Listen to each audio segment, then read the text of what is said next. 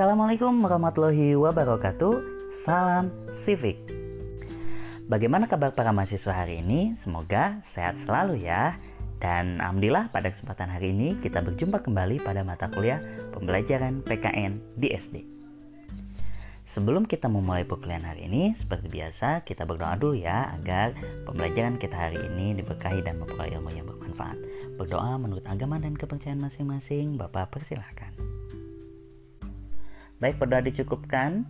Kita memulai perkuliahan hari ini dengan membaca basmalah bersama-sama. Bismillahirrahmanirrahim. Para mahasiswa, di pertemuan sebelumnya kalian telah memperoleh materi dan memahami bersama tentang keterampilan dasar mengajar. Nah, tentu itu sangat penting ya bagaimana kalian menjadi seorang guru itu harus memiliki keterampilan dasar mengajar tersebut. Nah, pada kesempatan hari ini kita akan memperluas kajian kita tentang materi PKN di sekolah dasar. Tujuan pembelajarannya setelah kalian mempelajari materi ini kalian akan memahami bahwa ternyata materi apa saja yang harus diajarkan kalian sebagai calon seorang guru pada mata pelajaran PKN di sekolah dasar nanti ya ditematikan tentunya dengan mata pelajaran lain. Tahukah kalian Berasal dari manakah materi ajar yang harus diajarkan kepada peserta didik pada sebuah mata pelajaran? Ya, betul, itu berasal dari KI dan KD. Lalu dari manakah kita memperoleh KI dan KD? Hmm, ya, betul, yaitu dari Permendikbud. Nah, ada yang tahukah di antara kalian semua Permendikbud nomor berapakah yang mengatur KI dan KD pada kurikulum terbaru saat ini? Ayo, ada yang pernah membaca? Yap, betul Permendikbud nomor 37 tahun 2018. Di dalam Permendikbud tersebut diatur tentang KI dan KD pada sebuah mata pelajaran termasuk mata pelajaran PPKN. KI dan KD memuat empat kompetensi inti dan kompetensi dasar. KI 1 berbicara tentang sikap spiritual. KI KD 2 berbicara tentang sikap sosial. Lalu KIKD 3 berbicara tentang pengetahuan dan KIKD 4 berbicara tentang keterampilan. Lalu mana Pak yang harus kita ajarkan pada peserta didik?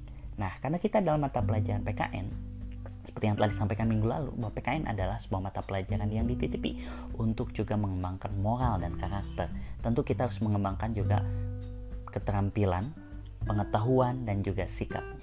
Civic skill, civic disposition, dan juga civic knowledge ya jadi bukan hanya sekedar civic knowledge saja pengetahuan KD3 tapi juga keterampilannya lalu juga civic disposition ya nah pada kesempatan hari ini kita akan membahas tentang KD3 yaitu yang berbicara tentang materi ya materi apa saja sih yang diatur pada Permendikbud tersebut pada Permendikbud nomor 37 tahun 2018 mata pelajaran PPKN pada kompetensi dasarnya kita akan melihat pada KD 3.1 berbicara tentang Pancasila.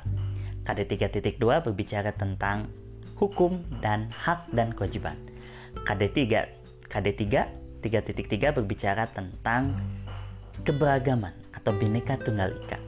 Dan KD 3.4 berbicara tentang persatuan dan kesatuan. Jadi itulah tema atau materi besar yang harus diajarkan tentang materi PKN di sekolah dasar. Lalu apa sih Pak kekhasan materi pembelajaran PKN ini di sekolah dasar baik di kelas rendah dan juga kelas tinggi? Kalau kalian perhatikan dan kalian analisis ya bahwa materi pembelajaran pada KD 3.1 sampai 3.4 di semua jenjang kelas dari kelas 1 sampai kelas 6 itu pokok bahasannya sama. Yang membedakan adalah tingkatannya. Contoh, 3.1 di kelas 1 sampai kelas 6 pasti akan selalu berbicara tentang Pancasila. Berarti materi pertama yang harus kita kuasai adalah tentang Pancasila. Berbedanya, perbedaannya kalau di kelas rendah, Pancasilanya lebih kepada misalkan di kelas 1 mengenal simbol, makna simbol, hubungan simbol dengan sila. Lalu naik ke kelas tinggi akan sudah mulai masuk kepada penerapan bagaimana penerapan, contoh sikap, dan sebagainya. Tapi intinya tetap tentang materi Pancasila.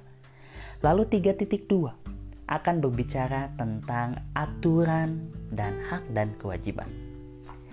Ketika apa perbedaan di kelas rendah dan tinggi? Di kelas rendah baru mengenal aturan di rumah, di sekolah, di lingkungan, ya jadi masih bersifat kontekstual di tiga lingkungan itu.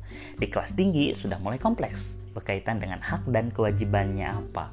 Bagaimana penerapan hak dan kewajiban itu di dalam lingkungan.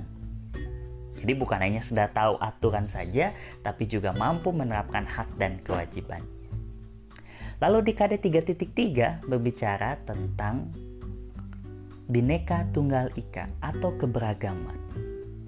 Materi ini mengajak peserta didik untuk mengenal keberagaman di berbagai lingkungan. Nah, di kelas rendah diajarkan mengenal perbedaan di lingkungan rumah dulu. Perbedaan antara ayah, ibu, adik, kakak. Lalu ke lingkungan sekolah, lingkungan bermain. Lalu nanti di kelas tinggi sudah mulai kompleks Bineka Tunggal Ikanya sudah mengarah kepada berbagai aspek bidang kehidupan, mulai dari ekonomi, politik, hukum, sosial, dan sebagainya. Suku bangsa, sehingga peserta didik akan memahami oh ternyata luas Indonesia ini. Lalu di 3.4 materi PKN-nya berbicara tentang persatuan dan kesatuan. Bagaimana peserta didik memahami bahwa selain di 3.3 tadi bahwa kita ini adalah berbineka tunggal ika, maka kita ini harus hidup rukun, bersatu dalam keberagaman. Ya, menciptakan persatuan dan kesatuan. Lalu apa perbedaan di SD kelas rendah dan tinggi? Materi persatuan dan kesatuan di kelas rendah baru bersikap bersifat konsep. Persatuan dan kesatuan di rumah, di sekolah. Sementara di kelas tinggi, persatuan dan kesatuannya sudah mulai ke arah realisasinya. Bagaimana siswa mampu mempraktekannya Nah, sudah ke arah sana.